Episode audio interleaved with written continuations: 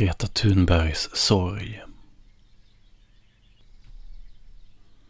Det är varmt.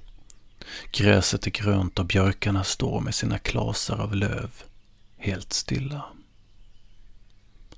Jag ville skriva något om Greta Thunbergs sorg. Om hennes vilja att rädda planeten. Men jag har aldrig följt henne, har aldrig sett något hon har gjort. Jag kan inte hennes budskap.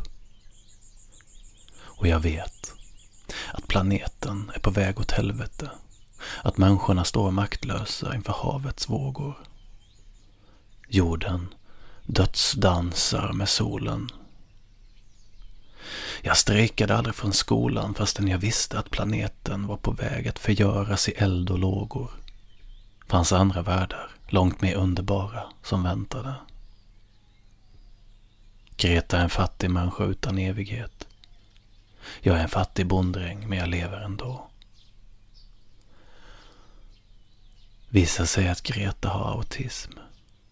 Alla autister har redan förenat sig för att ställa sig utanför samhället, fast inte medvetet. Det är samhället som utesluter dem, som inte behöver deras asociala kompetens. Det här är en hård planet av packad jord. Sanna mina ord.